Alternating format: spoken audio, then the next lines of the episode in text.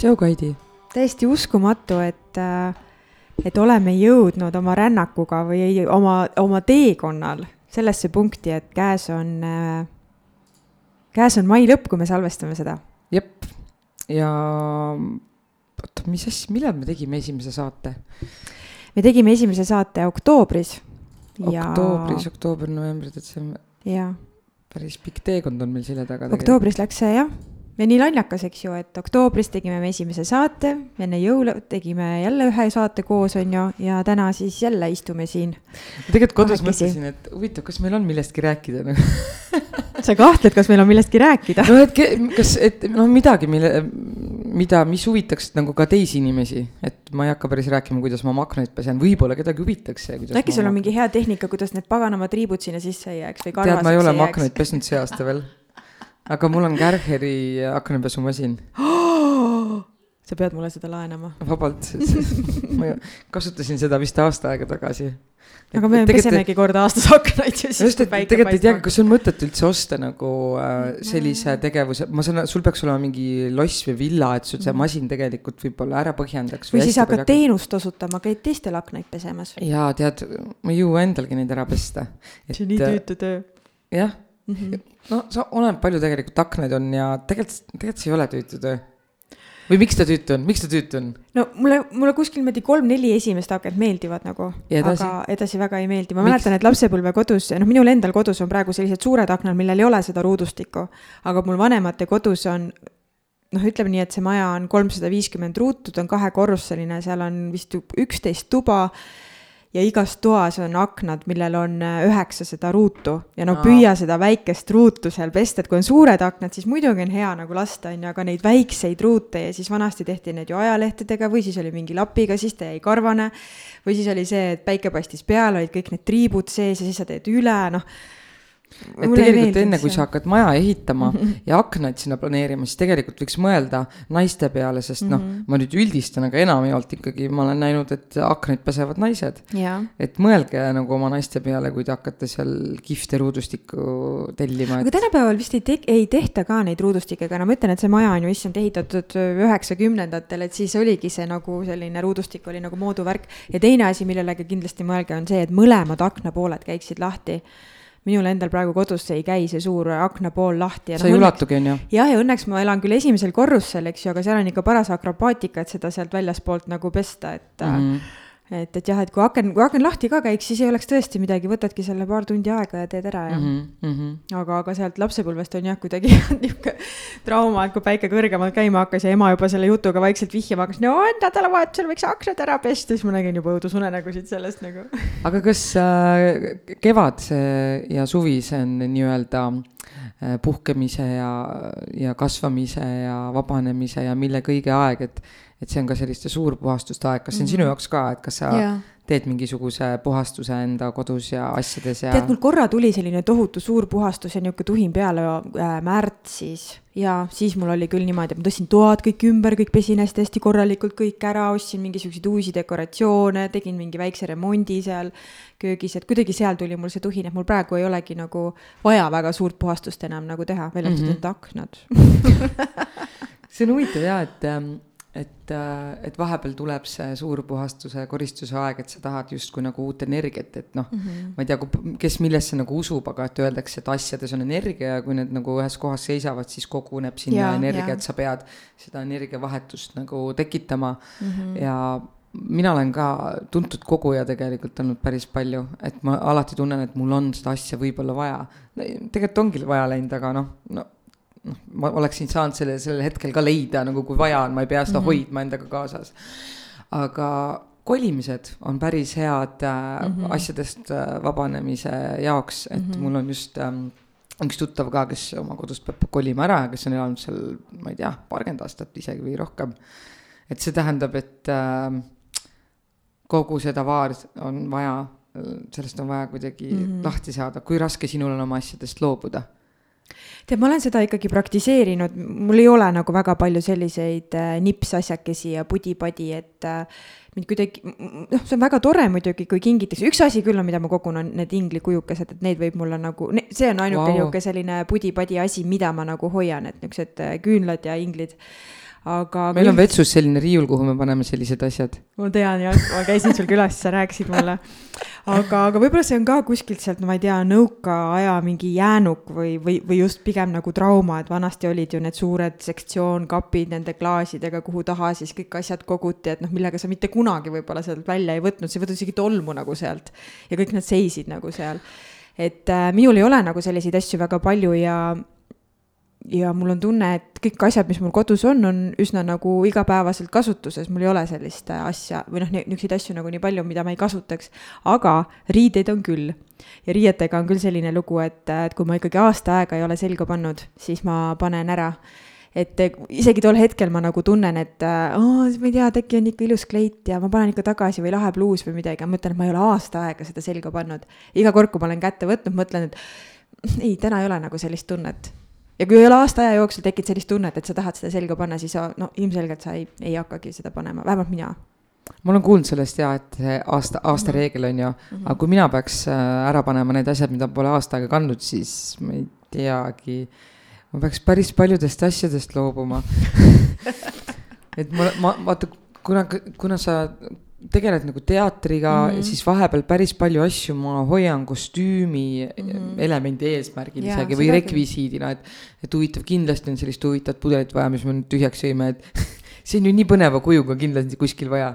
no tegelikult see tegelikult ei ole vaja et. nojah, vaata, sa tegutsed natuke teises valdkonnas, et sa mõtled juba selliselt, sest sul on juba selline lavastaja hing natukene, et. no võib-olla ka, võib-olla ka selline dekoreerimise mm, mõte, et iga väike paelake, seda saab ära kasutada mm -hmm, nagu mm. -hmm. aga need paelakesed, neid lihtsalt on nii palju ja kokkuvõttes äh, lõpus nad lähevad ikkagi kõik prügikasti mm -hmm. mingil hetkel, kui tekib see, et nii, nüüd ma tahan puhtust oma ellu mm. -hmm. ja mul praegu hakkas ka natukene hakkas sügelema, käed hakkasid sügelema, et tahaks äh, kapi kallale minna ja ära sorteerida mingisuguseid asju mm. -hmm. no mu asjad on igal pool laiali ka praegu, et äh, mitu, kui mitu kodu on, siis ongi see, et sa ei tea enam, kus nagu, mis on mm. -hmm. et mul on kõvasti mingisuguseid nõusid ja asju, et peakski nagu tegema. ma ei ole, ma ei ole jõudnud et tegelikult võiks ju annetada mm, -hmm. et äh, kas sina oled midagi annetanud viimasel ajal kuskile oma asju või tegelenud sellega? ei äh, annetanud ma ei ole, küll aga möödunud või paar nädalat tagasi oli selline asi nagu Tartu äh,, Tartus Karlova kohvikute päev ja seal olime sellise fondiga nagu Minu unistuste päev äh, väljas, oli niisugune unistuste kohvik ja seal teenitud äh, tulu äh, läheb siis kõik äh, krooniliselt ja raskelt haigete laste unistuste päeva, päevade elluviimiseks ja me ületasime oma eesmärgi ikka, ikka, ikka suure-suure kaarega nii et see oli küll selline sündmus, mille nimel ma nagu tööd tegin, vaeva nägin, et inimesed nagu tuleksid oma küpsetistega välja või noh, mitte ainult mina, meil oli seal ikka väga suur äh, meeskond. ma kuulsin, et Merilin Kirbits ka küpsetas. ja Merilin Kirbits ka tegi, tead, ma olin isegi, tegin pättust natuke, siis kui ma, sa mulle need koogid ära andsid, ma ju tulin ju siis sauelt hommikul vara hakkasin sõitma, ma ei olnud jõudnud süüa siis ma võtsin ühe koogitükki ja sõin ära. ma tegelikult ära. mõtlesin, et ma oleks võinud öelda, et, et võt-, sööge see väiksem äh, plaat ise ära nagu mm, -hmm. et äh,. aga ma sõin ainult ühe koogitüki ja see. keskele jäi auk või? ahah, kindlasti aga kas see vabatahtliku töö on sul esimene kogemus praegu selle Unistuste päevafondiga seoses või oled sa veel teinud?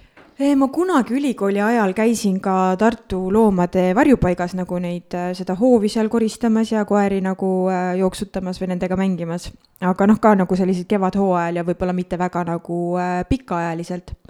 aga selline soov head teha võib-olla kuidagi kasvas minus hästi tugevalt eelmisel aastal ja kulmineerus nagu sügiseks, kus ma nägin ühte videot, kus ühele poisile tehti üllatus ja see emotsioon mis sellest poisist nagu vallandus ja mille osaliseks kõik need, kes selle korraldasid, said. tol hetkel nagu midagi nagu jõnksatas mu sees, ma tahan ka sellisest emotsioonist oma elus osaks, osa nagu saada. et see ei ole see, et, et ma ostan oma lapsele uue mänguasja või viin ta, ma ei tea, veekeskusesse, vaid see on nagu midagi, mis, mis on nagu kellelgi puudu või tal ei ole isegi nagu võimalust ja mina saan talle seda võimaldada. et see kuidagi liigutas mind nagu nii sügavalt, et äh, ja noh, ennekõike ka see, et ma olen ise hästi tänulik, et mul on kaks tervet ilusat last, kes kasvavad teinekord nagu suhteliselt nii-öelda mööda minnes, et ma ei peagi neid väga nagu kuidagi distsiplineerima, sest nad on lihtsalt juba oma olemuselt nii suure südame ja mõistva, suure südamega ja hästi mõistvad. et aidata just neid perekondi, kellel on, kellel ei ole võib-olla nii hästi või kellel ei ole nii vedanud. Et see heategevus kuidagi hästi puudutab mind praegusel hetkel jah, aga kuidas sinul selle heategevusega on? sa nagunii teed kogu aeg kõigile head, nii palju, kui ma sind tunnen. tead, äh, mul on nii palju nagu, tahaks, tahaks teha hästi palju, tahaks olla vabatahtlik ja aidata ja, aga ma tunnen, et, et mul on pere ja sõbrad ümber, kes päris palju vajavad nagu toetust või abi, et ma, mulle meeldib üks tsitaat oi, sa hakkad ka tsitaadimutiks hakkad no, siin. sa oled kindlasti näinud seda internetis, mulle, mulle tundub, et selles on nagu hästi suur tõde sees, et kui sa tahad maailma muuta, siis mm -hmm. mine koju ja armasta oma perekonda mm. -hmm et kuidagi sa näed äh, enda ümber inimesi, kes tahavad väga palju head teha, aga tegelikult äh, võib-olla kodus on asjad nagu äh, mädasti, et, et võib-olla mm -hmm. see üks, see võib olla üks põhjus, miks ta läheb kodust välja, et sa saab selle emotsiooni kuskilt mujalt, on ju mhm aga tegelikult alustada sellest äh, kodusest äh, olukorrast ja oma lähedastest ja siis, kui sul jätkub energiat ja jõudu, et siis minna mm. -hmm. ma tegelikult ähm, läbi oma elumuutuste aasta aega tagasi ma, kui ma ei oleks kohtunud oma praeguse elukaaslasega, siis mul oli nagu väga suur soov äh, minna välismaale vabatahtlikuks. ma ei olnud kohta valinud, ma olin lihtsalt natukene uurinud, mul üks äh, sõbranna oli Armeenias äh, äh kuskil koolis mm -hmm. tegeles lastega ja, ja ma ei ole kunagi olnud selline, kes julgeks minna üksinda välismaale mina üldse. ka mitte mm. -hmm. aga, ja ma tunnen suurt kadedust äh, nende inimeste üle ja mul on tunne, et see on üks asi, mida ma oleksin võinud võib-olla oma elus teha. et õppida ennast rohkem tundma, panna ennast täiesti ebamugavusse olukorda. aga see kuidagi ei tulnud mulle ikkagi kätte praegu. võib-olla, võib-olla siis, kui ma keskea kriis tuleb võib-olla kunagi siis, siis ma ju jõuan veel et mul on veel mootorrattaload ja tätoveering ka tegemata, nii et äh, jaa, kuule, selle tätoveeringuga oli meil küll juba eelmine suvi ju suur-suur plaan. ja, ja, aga ma ju ütlesin, et kui ma, see on see, et kui ma aasta aega seda kandnud ei ole, siis ma ühesõnaga, kui ma ei ole, kui ma ei ole seda mõtet nagu sellest mõttest eemale saanud, siis ma ilmselt teen selle kunagi ära. et ähm, jaa, mina soovitan, mina olen hästi tätoveeringute fänn ja võib-olla paljud ei teagi, et mul on neid päris mitu tükki, sest nad on lihtsalt selliselt kavalalt tehtud. aga no see oleneb ka, on ju, et mida sa nagu soovid või. ma tahan näkku ämbliku võrku saada ja Halloweeni peol käia jah, kui see su õnnelikuks teeb, siis miks mitte, on ju. et äh, jah, ei, tätoveeringud on ägedad. aga ei, see oli väga-väga õige, mis sa, mis sa ütlesid, et et kõigepealt alusta nagu äh, iseendast ja oma lähedaste ja oma pere armastamisest ja, ja siis ma nagu käisin korra nagu oma peas nagu selle läbi ja mõtlesin, et mul on ka selles valdkonnas hästi vedanud. et võib-olla ongi nagu, miks minus siis kuidagi tekkis see, see vaba ruum, et mul on nagu seda energiat äh, panustada siis heategevusse või sinna, kus äh, või sellesse valdkonda, kus võib-olla ei ole kõigil nagu nii hästi. et mul on tõesti, mul on väga armastavad vanemad, mul on ma olen oma õega lähedane, temal on kõik hästi, ma olen oma vennaga lähedane, et, et kuidagi jah, kuidagi nagu vaata on, et kui sa mingil hetkel nagu oma elus nagu kohtud erinevate inimestega, kel- ja see nagu avab su silmad, et see, mis sinu elus on, see ei pruugi olla tavapärane et kui sina nagu tunned, et, et sind armastatakse ja sina ise armastad oma peret ja oma vanemaid ja oma lähedasi, et see ei ole miski, mis, mis on kõigil ja kuidagi võib-olla see klõps käis nagu minust läbi, et, et ehkki ma olen ju lahutatud, eks ju, ja, ja, ja lapsed ei ole minuga nagu iga nädal, sest noh, neil on täiesti nagu vapustav isa, siis võib-olla sellest on ka kuidagi tekkinud nagu see tänutunne, et, et isegi nagu sellises kontseptsioonis laste kasvatamine nagu toimib väga hästi. mulle on antud palju ja see ei ole see hetk, et ma nüüd istun käed rüppes ja äh, mul on nii hästi, on ju, vaadake ise, kuidas hakkama saate, vaid just nagu suunata see fookus siis sinna, et aa, minul on hästi, ma ei pea võib-olla nende teemadega tegelema. ma saan panustada kuhugi mujale, kes, kellel ei ole nii hästi, on ju. jah, et ühesõnaga mm,, kuidas öelda seda tõesti nähes, kurb on tegelikult näha isegi oma lähikonnas, et äh, kui inimestel ei ole oma perekonnas kontakti omavahel.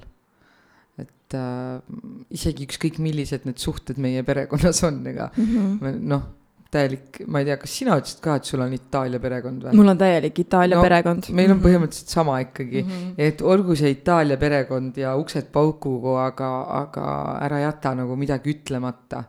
-hmm. et minu arust kõige hullem on see, kui enam ei räägita omavahel. et äh, see ongi see, mis inimesi teineteisest kaugemale viib jah, suhetes öeldakse ka ju, et pigem nagu loss, ma ei tea, suled ja karvad ja veri lendab, noh, see mitte nagu, mitte nagu päriselt, vaid nagu emo-, noh. no ei saagi, mul ei ole sulgi, ma olen inimene. ma mõtlesin nagu verd siinkohal, aga, aga et kõige olulisem on see, et, et tuleb suhelda, et kui jõutakse ükskõik missuguses suhtes sellesse etappi, et enam ei ole midagi öelda, siis tegelikult ei ole sellel, sel suhtel ei ole enam elu. jaa, see on niisugune vaikne surm nii-öelda tegelikult, et äh, et sealt, ma ütleks, et sealt nagu tagasiteed sellel hetkel kindlasti ei ole, et ja. siis tuleb minna sellega lihtsalt lõpuni ja vaadata, mis edasi saab nagu.. jah, minu õde on nagu kuldsed sõnad mulle kunagi öelnud, et, et ükskõik kui palju sa oma kaaslasega päeva jooksul tülitsed või, või kui halvasti te teineteisele ütlete või, või ükskõik mis olukordades te olete, kui sa õhtu lõpus lähed voodisse ja sa ei kujuta ette, et seal kõrval oleks keegi teine peale sellesama inimese, siis on sellel suhtel nagu veel nagu perspektiivi või potentsiaali nagu kuhugi edasi areneda. Mm.. et minu meelest see on nagu see, mida, mida mina võib-olla nagu enda elus äh, silmas pean.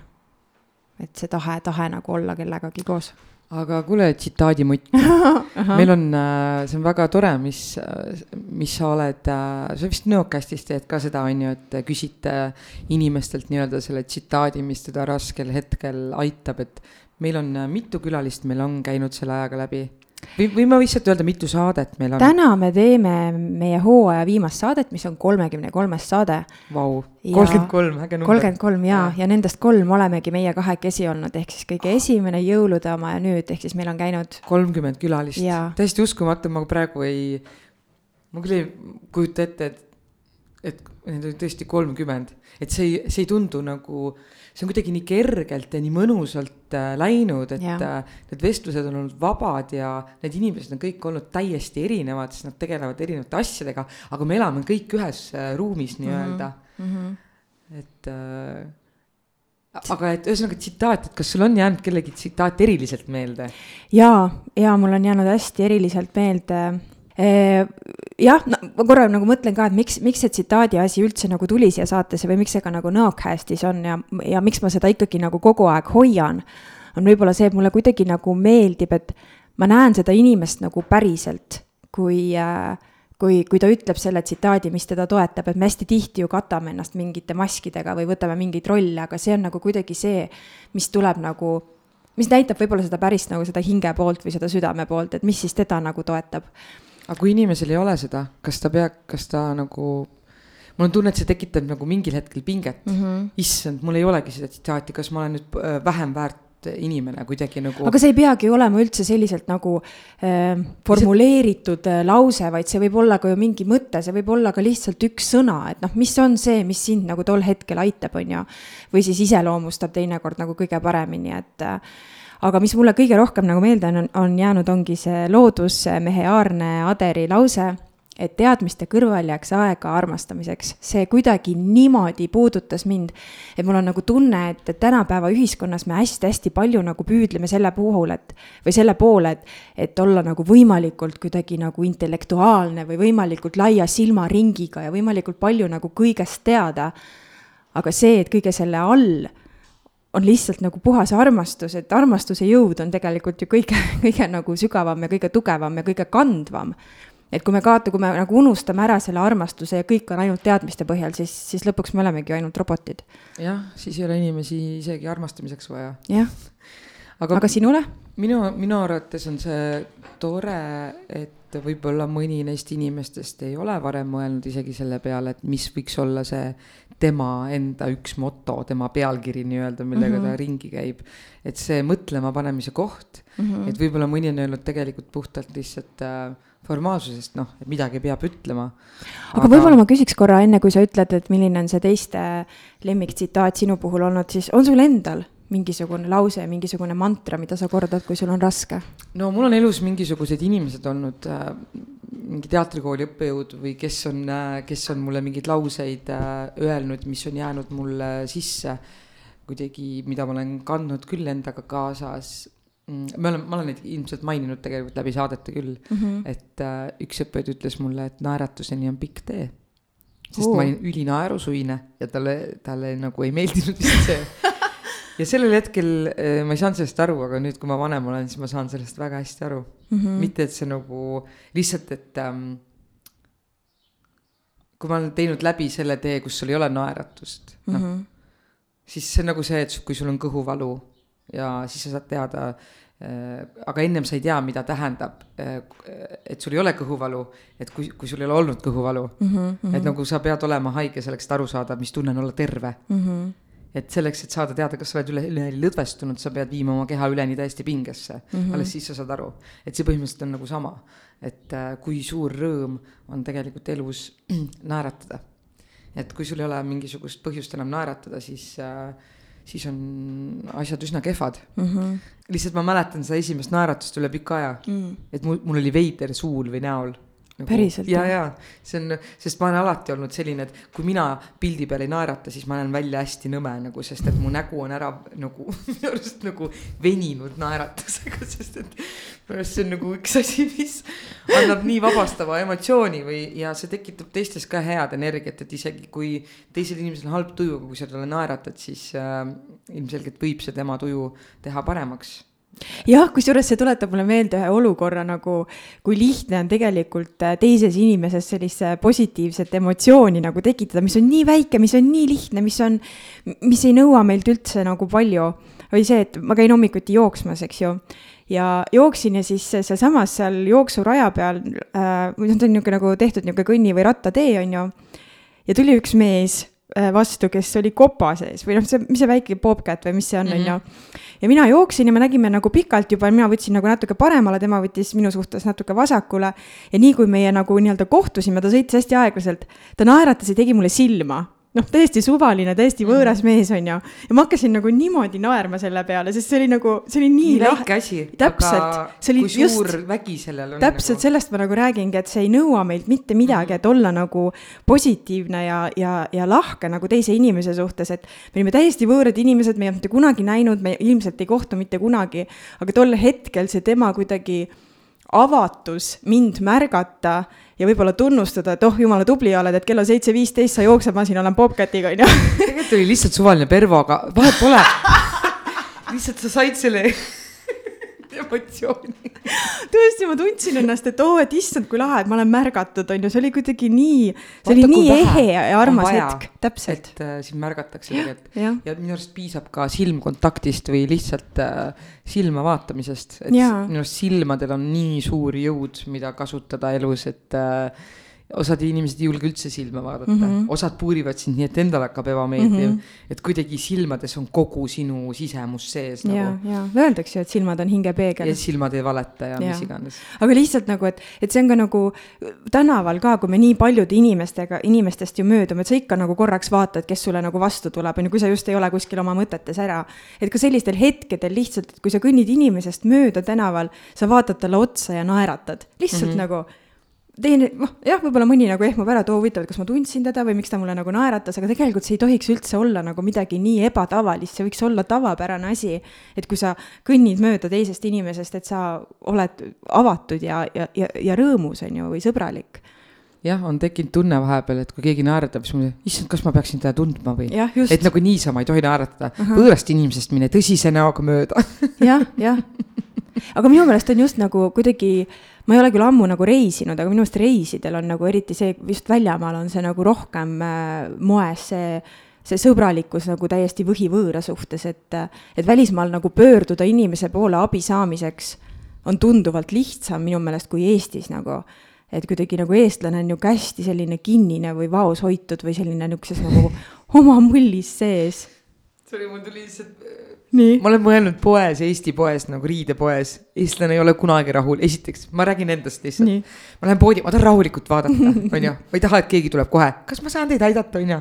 ja teiseks, ma olen olnud selles, sellises olukorras, kus ma ei leia mitte ühtegi töötajat ja mitte keegi ei taha mind aidata.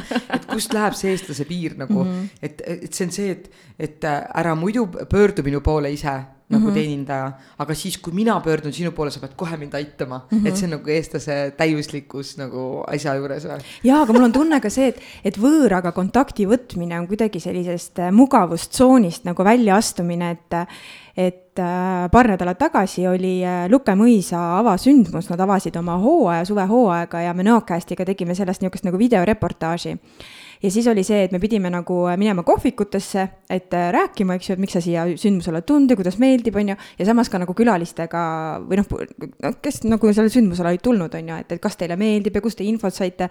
Ja absoluutselt iga kord kui me, kui, kui Mikk ehk siis mul kaassaatejuht ütles, et nii, et lähme nüüd näiteks selle inimese juurde, on ju, tema filmis, mina pidin intervjueerima, ma tundsin kogu aeg, kuidas mu sees on nagu nii suur tõrge või hirm, et äh, astuda sellest mugavustsoonist välja, kus ma astun nagu võõra inimesega kontakti, ehkki on ju, ma olen nõokäästi teinud aasta, eks ju, tunnike Otepääd nüüd ka terve hooaeg et, et kokku ikka ju kuskil saja inimesega iganädalaselt oleme ju väga sügavatel teemadel nagu rääkinud ja endiselt on see tunne, et, et raske on minna nagu ja rääkida. sa kardad tema reaktsiooni, sest et äh, me oleme väga palju kogenud seda reaktsiooni, et ma ei taha ja see on kuidagi ära rikutud, see teineteise poole pöördumine, mhm. sellepärast need pöördumise põhjused on erinevad olnud.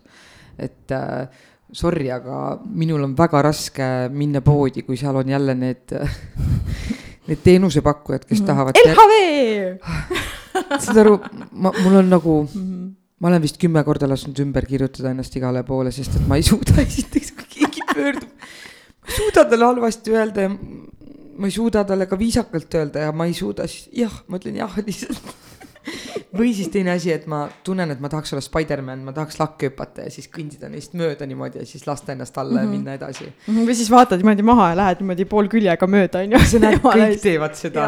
ma ei taha olla üks kõigi seast nagu, aga kõik teevad seda, mul on kuidagi, mul on nii kahju et kas tõesti võiks, see töö on nagu veits nagu karistus sellele inimesele, et, et need, kes inimesed, kes on halvasti käitunud, need peaks sellele tööle saatma, sest et see on nii keeruline. aga see on tohutu eneseareng, kui seda tööd teha, see, et astuda täpselt nende võõraste inimeste juurde, kes sul poodi tulevad, et nendega kontakt saada.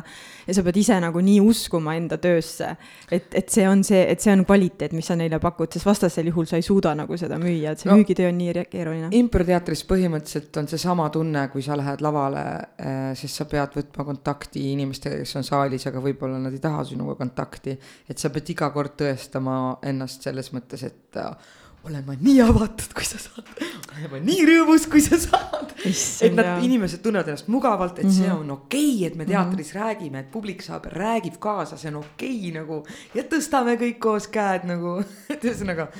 no see, millega sina üldse tegeled, on minu jaoks täiesti ulme nagu Merilin, see on nagu siia lihtsalt vahepõige, et äh, ma käisin vaatamas Impro impeeriumi etendust, äh, kus siis Merilin äh, oli oma kaaskolleegidega Tartus ja tegid improetendust Valdur Mikita ainetel, kirjutatud ainetel või noh, vähemalt algus oli nagu Valdur Mikita kirjutatud et see pull, mis nad seal laval tegid, no ma ikka nii tihti lihtsalt nagu vajusin niimoodi tooli peal nagu järjest madalamale, mõtlesin, et kuidas ometi te julgete nagu sellest mugavustsoonist nii järjepidevalt kogu aeg välja astuda. see ainult... laulmise asi oli ka hästi kuidas sa nagu sellega kaasa läksid, et okei okay,, et noh, et Maarja. ei jää muud üle. sest Maarju, Maarjus on laulja, eks ju, tal ja. on ju oma bänd ja värk, et ja. tema jaoks oli see mugav tsoon, aga sinu jaoks, kuigi sa laulad väga hästi, sa Muidugi. laulsid mulle sünnipäevalaulu eelmine aasta, mul on see isegi videos, aga aga noh, sa ei ole laulja igapäevaselt ei. ja minna kaasa, sa isegi ei tea, mis kuradi viisiga ta laulab sul on ju täiesti. ma pean muusikut kuulama, muusika annab ette see oli, see oli vapustav, see oli nii vapustav hetk lihtsalt. no ma ütlen, meie jaoks oli nagu keskpärane, et see on nagu, aga lahe on näha inimese esimest reaktsiooni, kui ta näeb midagi, mis on mugavustsoonist väljas mm. -hmm. ja see reaktsioon tekibki selle pealt, et sa näed neid inimesi, et nad kogu aeg lükkavad ennast mugavustsoonist välja ja selle pealt see toimibki mm. -hmm. et aga sa pead uskuma sellesse ja see on ikkagi see üle kümne kümne aasta, kolm, pea kolmteist aastat äh, koostöö treenimist nii-öelda trennides. et äh, ja me teeme seda isegi vähe, me teeme seda, me oleme nagu siuksed ikkagi harrastajad improteatri võtmes või nagu improteatri vallas, et tegelikult me võiksime teha seda täistööna. no meie tase on nagu, võiks olla selle aja peale, ma ei tea, kus nagu. aga kes on Eestis praegusel hetkel siis ikkagi tipp, kas siis ei olegi nagu improimpeerium või? Ei no kindlasti on selles mõttes, ega, ega ongi raske nagu tippu öelda, et kui sul ei ole väga palju võrd-, võrdlusvõimalust, et tegelikult ongi äh, ainult äh,. ruutu kümme ja kümme ja meie mm -hmm. Eesti Improteater ka toimetab ja võib-olla mingeid äh, harrastustruppe äh, on juba päris hulga, meie enda näitlejad koolitavad ja nii edasi, on ju. et aga, et pealekasvu peaks hakkama ise ka tekitama, sest mingil hetkel tekib muidu auk nagu aga noh, eks meil on plaanis ikka nüüd tugevamalt see impro asi kätte võtta, et me ikkagi tahame, et me oleksime tulevikus äh, tuntud kui impronäitlejad, mitte lihtsalt suvalised vabakutselised näitlejad, kes teevad vahepeal ka improt mm. -hmm. et see on nagu väga äge võti, mis, äh, mida, mida, mida nagu kasutada ikkagi, see on nii suur võim on meie käes, et. ja, ja see on nagu, ma ütlengi, et just see võim on nagu hästi, mitte nagu negatiivses mõttes, vaid hästi nagu positiivses võtmes just see, et, et äh, kui mina publikus näen, kuidas näitleja astub sellest mugavustsoonist nagu poolteist tundi järjest kogu aeg välja et võib-olla mul korraks on nagu selline, ma tahaks panna käed nagu silmade ette, siis ma mõtlen, et oh my god, mida ta nagu tunda võib, sest ma olen lihtsalt nii empaatiline inimene, on ju. aga teisalt ma näen ka seda, et aa, ta astub mugavustsoonist välja, ta teeb sellise asja, aga mitte midagi ei juhtu, ta ei sure selle kätte ära nagu, mitte keegi ei naera nagu halvustavalt su üle. et see on kuidagi nii vabastav, et me võimegi olla igas hetkes täpselt sellised inimesed, nagu me oleme. me võimegi teha nagu nalja, mis vahepeal võib-olla on halb nali, on ju, aga, aga see on nii vabastav mm. -hmm. see on nagu, noh, minu jaoks oli see täiesti nagu uuesti sünd seal publikus olla. ainult äh, see, seda võib ka tsitaadiks nimetada, et äh, julgus eksida mm -hmm. on asi, mis elus inimest edasi viib ja arendab ja vabastab. et see tohutu hirm eksimise ees et küll ma astun valesti või teen midagi valesti, see viibki läbipõlemise ja ärevushäireteni, nii et mm, -hmm. et improteatril on täiesti teraapiline ärevust vähendav mõju ja jõud, et äh, see on täiesti eraldi teraapia vorm nagu, et ka algselt tegelikult, kes selle üldse nagu välja hakkas mõtlema ähm,, tema ka tegi selle mingisuguste laste jaoks tegelikult, et mm -hmm. nendega mängida ja hakkas seda vormi nagu välja töötama, et see ei olnudki teatrivorm alguses, vaid et äh, mingisugune nii-öelda tegelikult meeskonna või grupi nagu kokkusaamine või teraapiline vorm -hmm, üldsegi mm -hmm. ja tegelikult toimib meeskonnatöö teraapiana ja just see koostöö, mida meie nagu vajame. et äh, see on üks ägedamaid leide, ma arvan, minu elus, millega tegeleda. kui ma oleks lihtsalt vabakutseline näitleja, ma arvan, et ma oleksin äh, ma polekski poolt, pooltki seda väärt, ma arvan, kuidagi, et mida see impro annab nagu. no sa oled lihtsalt nii mega andekas ka, ma ei väsi ei, seda no, kordamast. ma hakkasin nagu praegu mõtlema selle peale, et minu meelest see viia seda improt nagu massidesse ja tuua ka võib-olla nagu töökeskkonda rohkem on minu meelest üks suund, mis võiks olla, sellepärast et et kui me oleme nagu sellises tööandja ja töövõtja või tööandja ja töötaja suhtes siis äh, töötajal on ju kogu aeg selline tunne, et ta ei või eksida, ta peab, ta peab iga päev hommikust õhtuni olema kogu aeg selle oma, oma nii-öelda selle rongi raja peal, on ju. ja nii kui mingil hetkel nagu on mingisugune komistamine, siis ta saab tegelikult vastu pead selle eest, eks ju. nii-öelda piltlikult võttes, on ju või öeldes, aga, aga kui nagu tehagi meeskondade siseselt, et ühed on nagu need, kes on siis nagu töötajad või alluvad nende siseselt, et ei tekiks mingisugust võrdlemist või, või konkureerimist, aga teiselt poolt ka just nagu juhtide tasandil, et, et ka juht võib eksida et ega selles suhtes, et see pinge, mis töötajateni jõud, jõuab, on ju, see tuleb ju tegelikult tööt-, tööandja enda nagu sisemaailmast. kui kriitiline tema iseenda suhtes on, on ju et ja, ja siis teha mingisuguseid nagu koos sündmusi, kus ongi siis need töötajad või noh, töötajad ja, ja tööandjad nagu koos, on ju et kui on igasugused meeskonna ja motivatsioonikoolitused, et miks mitte ka niisugused nagu improkoolitused. et seda me seda me teemegi. teetegi jah ja.? aa, super. me just tegime kolmeliikmelisele meeskonnale neljatunnise koolituse. see oli päris nagu intensiivne ka meid ennast arendav, sest meie läksime kahekesi sinna juurde, sest viiekesi on parem mängida kui kolme või neljakesi. et teatud mänge ei saa isegi nagu teha.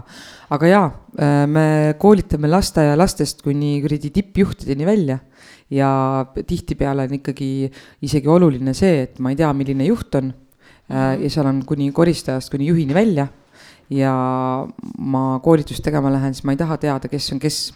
ma võtan kõik ühe lehena ja siis vaatan, et kuidas need rollid äh, välja nagu paistavad.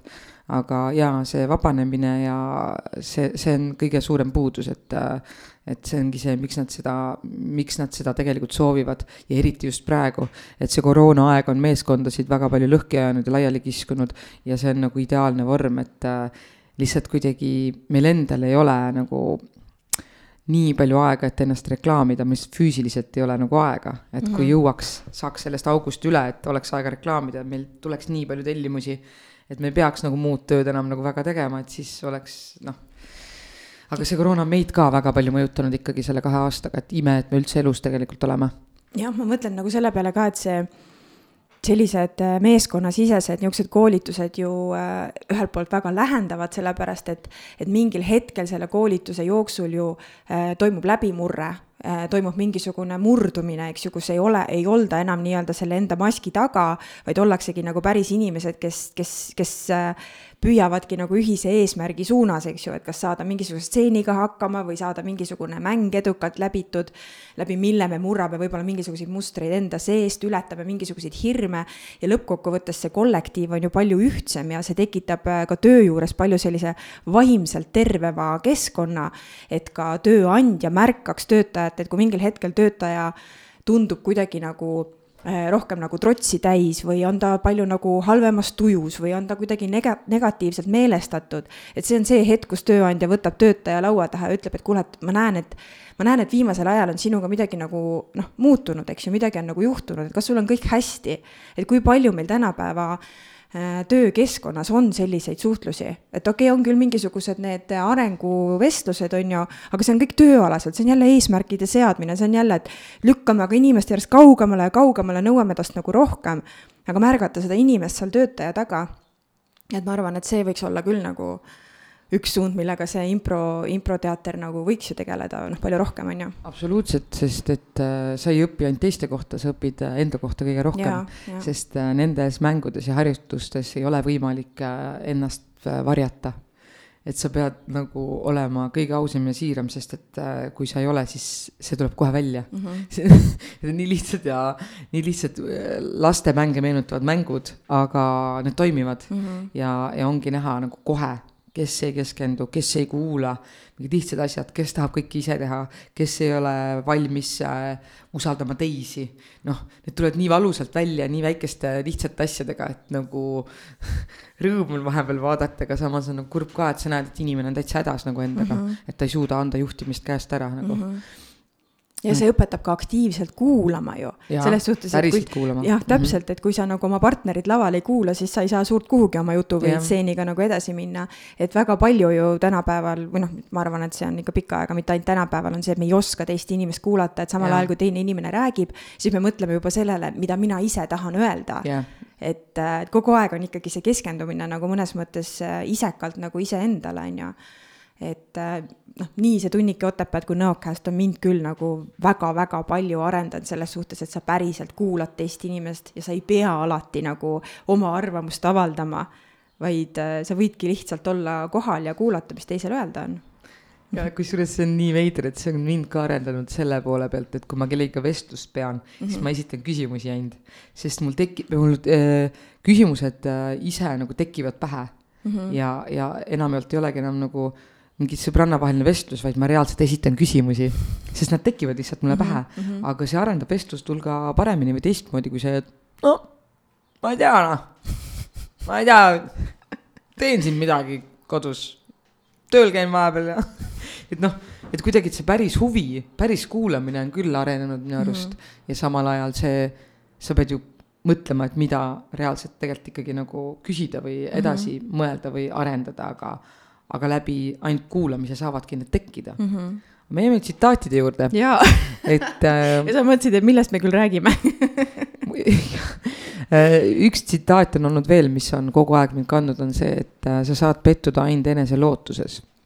et kui sa, kui sa pettud kelleski teises, siis see ei ole selle teise inimese süü mm, -hmm. vaid see oli sinu lootus. ootus. ootus jah. jah, ootustes jah ja. ja. Mm -hmm. et äh, selle teise inimese suhtes et tegelikult äh, see teine inimene pole kuidagi sellega seotud või, või süüdi selles, vaid et, vaid me ise tekitame selle tunde endale. et meil on lihtsam elada, kui me ei oota midagi. ja ongi, kui sa elad ilma ootuste ja eeldusteta, siis sa elad ja. nagu tunduvalt äh, tervemat ja. elu, siis sa ei, sa noh, ootused ja eeldused on täiesti loomulikud asjad, mis kogu aeg tekivad, ükskõik, et on see partnerlussuhe, on see mm -hmm. tööalane suhe, sõprussuhe, mis iganes, on ju.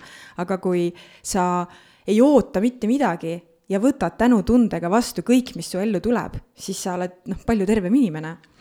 et see on nagu, äh, see on ka, see on ka tegelikult asi, mille poole võiks ju, võiks ju nagu püüelda. aga kui ma mõtlen, et äh, missugune on mu enda tsitaat, kui minu käest nagu küsida, et äh, mm, noh, rasketel hetkedel on võib-olla neid tsitaate nagu palju, et äh, aga, aga mis ma ise nagu mõtlen igapäevaselt, kuidas või, või mis viisil oma elu elada, on üks kindlasti see, et ole ise see muutus, mida sa soovid maailmas näha. et see noh, põhimõtteliselt see on seotud nagu sellesama ootuste ja eeldustega, et ära oota kogu aeg, et maailm muutub ja siis sina hakkad muutuma või inimesed sinu ümber muutuvad ja siis sina hakkad muutuma. vaid just, et mina muutun enne ja tegelikult kõik muutuvad järgi. see lihtsalt toimub läbi selle, et need inimesed, kes ei tule sellise eh, minupoolse mentaliteedi või minupoolsete muutustega kaasa, nad lihtsalt väljuvad mu elust ja tulevad asemele need, kellega võib-olla on sarnasem maailmavaade, on ju et, toimub nagu läbi selle muutus. ja see on ka täiesti okei okay,, kui lapsepõlvest tulnud inimesed ei ole võib-olla elu lõpuni meiega, et äh, me areneme täiesti erineva tempoga ja erinevatel radadel, nii et see on nagu okei okay. ja üsna palju määrab tihtipeale ka ikkagi see koht, kus me elame lõpus et äh, sa lihtsalt ei jõua kaugemate inimestega kontakti hoida mm. -hmm. no võib-olla mõned jäävad, aga, aga ikkagi tekivad need mingid naabrisuhted ja mingid kolleegidega mingisugused suhted, et äh, et äh, me reaalselt ei jõuaks kõikide inimestega kontakti hoida mm. -hmm. ja kas on ka vaja selles ei. suhtes, et, et paljud, mõnedel inimestel on ju hästi-hästi lai tutvusringkond, et, et siis võibki nagu küsida, et aga kes on su päris sõbrad et ma ise olen nagu sellele mõelnud, et mul on tõesti väga lai tutvusringkond, et, et kuidagi läbi selle nõokasti läbiviimise, läbi tunnike Otepääd, läbi selle, et ma siia Otepääle tööle tulin, no ma arvan, et neid inimesi, kes, kellega ma tuttavaks saanud olen, on, on ikka väga palju selle viimase aasta või paari jooksul nagu olnud, aga nad on kõik tuttavad. Ja siis, kui ma mõtlen teinekord, kui mul raske on, et kes on need inimesed, kellele ma tahaks helistada, kellele ma tahan nagu jagada, siis vahepeal on selline tunne, et, et nagu ei olegi, sellepärast et ühelt poolt nagu kuidagi enda mured nagu tunduvad võib-olla väga triviaalsed või sellised, et noh, et teistel inimestel on ju oma mured, et miks ma peaks teda koormama nagu enda muredega, aga, aga. selle no, jaoks on sõbrad. jah, et teinekord tahaks lihtsalt vaata jagada ja., et kui palju on nagu neid päris lähedasi inimesi, et, et mul võib-olla ongi niimoodi ühe käe sõrmedel üles lugeda, kelle, kellele ma julgen nagu helistada, ilma et ma tean, et ma saan võib-olla mingi hukkamõistu osaliseks, on ju ja ma arvan, et kas sa mulle olema. julged helistada või? jaa okay., sa oled mulle korduvalt seda öelnud, et kui sul on, siis helista, kui sul on mure, siis helista. aga kas ma mõistan hukka ka vahepeal või? sa hukka ei mõista, aga sa raputad küll mind vahepeal lollakas oled miks sa nii mõtled ei noh, see on nagu ülekantud tähenduses, aga seda on ka vaja. selles suhtes, et kui ma helistan. kas sellel hetkel on seda vaja? jaa mina olen sinu puhul küll vähemalt kahel korral nagu tajunud seda, et kui ma olen iseendaga väga ummikus olnud ja sa tuled tõsiselt nagu raputad mind, et võib-olla tol hetkel on mul korraks nagu ebamugav, on ju, ma tahaks nagu halada, on ju, ja sina nagu ütled, et kuule, lõpeta ära, mida sa teed praegu, on ju et seda on vaja, et mul ei ole vaja nagu inimesi enda kõrvale, kes äh, kiidavad takka ja ainult nagu tunnustavad ja, ja, ja teevad pai. vahepeal on vaja nagu seda slappi ka, vaata nihuke, et kuule, et wake up nagu, ärka üles, mida sa teed praegu, asi ei ole ju sinus, see ei ole, see ei ole praegu nagu sinu kanda jah, selle tajumine, et mida, kas kasutada piitsa või präänikut mm -hmm. praegu oma sõbra peal, seda on, ega see ongi ohtlik tee, sest et sa võid ta endast eemale peletada mm, -hmm. aga mhm. samas äh, lihtsalt minu suur soov on, et ta saaks kurat aru ja väärtustas, väärtustaks ennast ja mm -hmm. nagu ja, ja ma ei suuda ennast talitseda nagu. aga tahan... sa ei peagi, sa ei peagi, kui sa sel hetkel ikkagi tunned, et praegu on see hetk, kus nagu võtta see piits ja öelda, et, et kuule, mida sa nagu teed hetkel et see, on palju, see on palju väärtuslikum, see lükkab sind nagu tegudele, see arendab sind palju rohkem kui see, et joo, nii kahju jah, et sul nii on, et jaa, jah issand kui halb. ma ei taha, ma ei taha üldse sihukest asja kuulda, appi.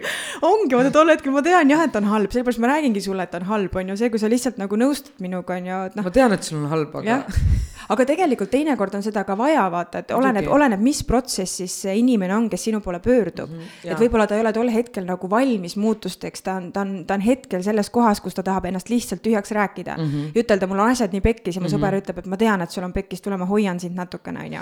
ja võib-olla see... paari päeva pärast liigume edasi. Seda on tegelikult äh, sellest äh, teksti sisust ja emotsioonist aru saada, kui inimene räägib sulle. et sa ja. saad aru, et okei okay praegu ta ei võta mitte midagi vastu mm, -hmm. las ta lihtsalt halab ja räägib mm -hmm. paar kuud ja siis vaatame edasi mm -hmm. nagu. Mhm. et, et mingisugused toimingud on, mida peab keha nagu läbi tegema, et sa ei muuda inimese meelt nendega, sest et ta on nagu, see keha on kuidagi nii stressis või pinges sel hetkel, ta peab nagu selle lihtsalt täiesti nagu läbi töötama endaga. jah, ma võin isegi täiesti enda kogemusest nagu öelda seda, et e, meie elus ikka nagu tekivad mingisugused lood nagu muinasjuturaamatus on ju, et sa avad selle raamatu, sa loed seda raamatut ja mingil hetkel sa paned selle raamatu kinni aga selleks, et sa saaksid selle raamatu kinni panna, ehk siis selle oma loo ära lõpetada, sa pead piisavalt palju seda lugu rääkima.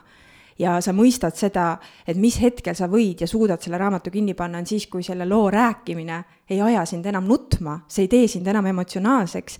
ja kui sa oled selle raamatu ära kinni pannud ja siis sa mõne aja pärast avastad, et sa ei tahagi enam seda lugu rääkida, sest see lugu ei ole sinu jaoks enam aktuaalne et see ongi, et kogu selle raamatu vältel või loo rääkimise vältel peabki see inimene, see sõber sind aktiivselt kuulama ja mõistma, et mis protsessis sa hetkel oled no just, ega ma arvan, et kui te ise teate, millistel perioodidel te vaatate neid nõmedaid romantilisi komöödiaid, mille najal nutta, siis ma ei mäleta, millal ma viimati vaatasin seda et sul tekib vajadus mingil hetkel mm -hmm. neid mhm. tundeid läbi elada ja mm -hmm. siis mhm. sa vaatad äh, vastavaid asju tegelikult või kuulad ja. vastavat muusikat või mis iganes nagu, mida sul vaja on nagu. jah, mina mäletan, et mingil hetkel ma ei suutnud üldse enam romantilisi komöödiaid vaadata. siis ma mingil hetkel nagu vaatasin hästi palju ja nüüd oli niimoodi, et oli hästi pikk nagu nädalavahetus ja, ja tundsin, et ma tahan ennast lihtsalt nagu sellise pehme ja sooja ja mõnusa meelelahutusega lihtsalt nagu välja lülitada. Ja tegelikult see film oli jube mõnus, see nagu, see niimoodi nagu täitis mu südant. aga tead, kui see läbi sai, siis ma kukkusin nagu kuradi, ma ei tea, kolmekorruse maja katuselt alla nagu nii-öelda sellesse enda reaalsusesse. ja mõtlesin, et mul oli kogu aeg nagu tunne, et ma ei taha, et see film otsa saab, siis ma tahaks pigem seal filmis elada, ma tahan selle naise elu elada. et ma ei taha tulla nagu sellesse enda reaalsusesse.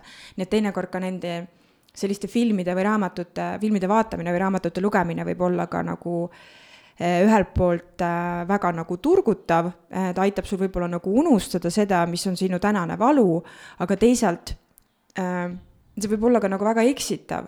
aga samas ma tahan ka seda öelda, et, et see võib-olla aitab ka sind ennast nagu tundma õppida, et kus sa tegelikult iseendaga täna oled. et kui selle romantilise komöödia vaatamine või selle romantilise komöödia filmi lõpp tekitab sinust tunde, et ma ei taha, et see tegelikult lõpeks, siis see näitab, et kus kohas sa oled. Kui see sind ei mõjuta, siis see näitab, et sa oled emotsionaalselt võib-olla päris heas kohas, eks ju. aga kui see nagu tekitab sinust sellist tunnet, et aa, pean tagasi oma kuradi jamaga tegelema, on ju. no ja sellised äh, asjad võivad tekitada sõltuvust, äh, võrdlen praegu arvutimänguga, miks ei taha in, nagu teatud inimesed arvutimängude seest välja tulla. Nad ei taha oma reaalsesse ellu tulla, et tegelikult on sama, et nende, ma olen ka mingil hetkel äh, matnud ennast filmidesse, seriaalidesse, et lihtsalt elada kellegi teise elu mm. -hmm. et mitte oma elus nagu olla, aga see on okei okay,, kui see on mingi periood, aga mitte see, et sa lähed järjest sügavamale sellesse auku mm. -hmm. et see on nagu väga ohtlik selles mõttes ja seda ise tajuda, ma ei tea, kui, kui kerge see tegelikult on nagu. jah, teinekord me vajamegi seda lihtsalt sellepärast, et meie valu siin meie enda reaalsuses või enda elus on nii suur, et sa ei suuda sellega lihtsalt tegeleda ja sa lihtsalt pead mõned päevad ja. või nädalad vaata lihtsalt mööda saatma. lükkama edasi jah, lihtsalt oodata, millal see päev jõuab õhtusse ja lähed magada laht,. lahtuks natukene ja, see ja. tunne on ju, see emotsioon, sest et äh, sel hetkel sa ei tee selle emotsiooniga midagi mm, -hmm. sa võid mingi asja hullemaks teha. ja, aga hästi oluline tegelikult nendel perioodidel on kogu aeg nagu teadvustada, et ma olen täna selles hetkes, kus mul on valus ja raske, aga ma tean, et täpselt nagu iga hea asi saab otsa, saab ka halb asi otsa, on ju. et, et mitte nagu, mitte nagu jäädagi sellesse kinni, et sa justkui nagu ei elagi oma elu enam, on ju, et sa veedadki seda kogu aeg, ootad, millal saad õhtul jälle koju, et seda seriaali vaadata, on ju, et see on nagu ka omaette sõltuvus kindlasti jaa, eks see, eks see valuperiood õpetab äh, sulle ka väga palju enda kohta ja leidma mingisuguseid teisi külgi endas, mida avastada või millega tegeleda või mhm. rohkem enesele keskenduda.